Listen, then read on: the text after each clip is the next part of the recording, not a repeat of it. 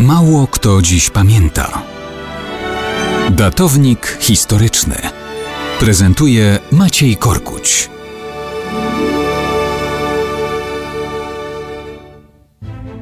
Mało kto dziś pamięta, że 27 lutego 1670 roku na Jasnej Górze odbył się ślub króla Polski Michała Korybuta Wiśniowieckiego i austriackiej arcyksiężniczki Eleonory Habsburżanki.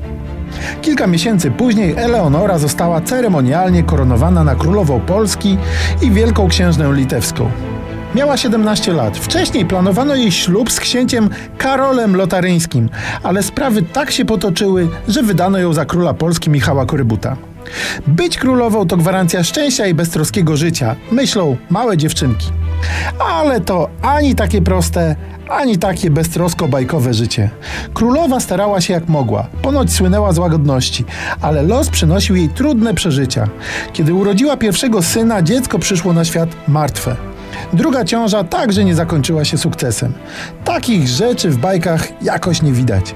Zaledwie po trzech latach panowania jej królewski małżonek zatruł się czymś i ni stąd, ni zowąd zmarł w listopadzie 1673 roku. Tron polski był elekcyjny, więc wybrano nowego króla i koronowano nową królową. Eleonora jeszcze kilka lat przebywała w Polsce, po czym powróciła do Austrii ale czasem i bez korony los się układa. W Austrii Eleonora ułożyła sobie życie. Trafiła w końcu w objęcia tego samego Karola Lotaryńskiego, z którym miała się związać przed ożenkiem z Wiśniowieckim. Zamieszkała w Innsbrucku. Na rodzinne życie narzekać nie mogła. Urodziła sześcioro dzieci. Męża przeżyła o całe siedem lat. Chyba w końcu żyła szczęśliwie, ale czy długo? Wydawać by się mogło, że bardzo długo, skoro tyle się w jej życiu wydarzyło. I to byłby mylny pogląd.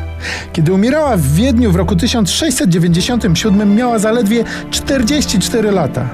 Cóż, bajki bajkami, a życie życiem.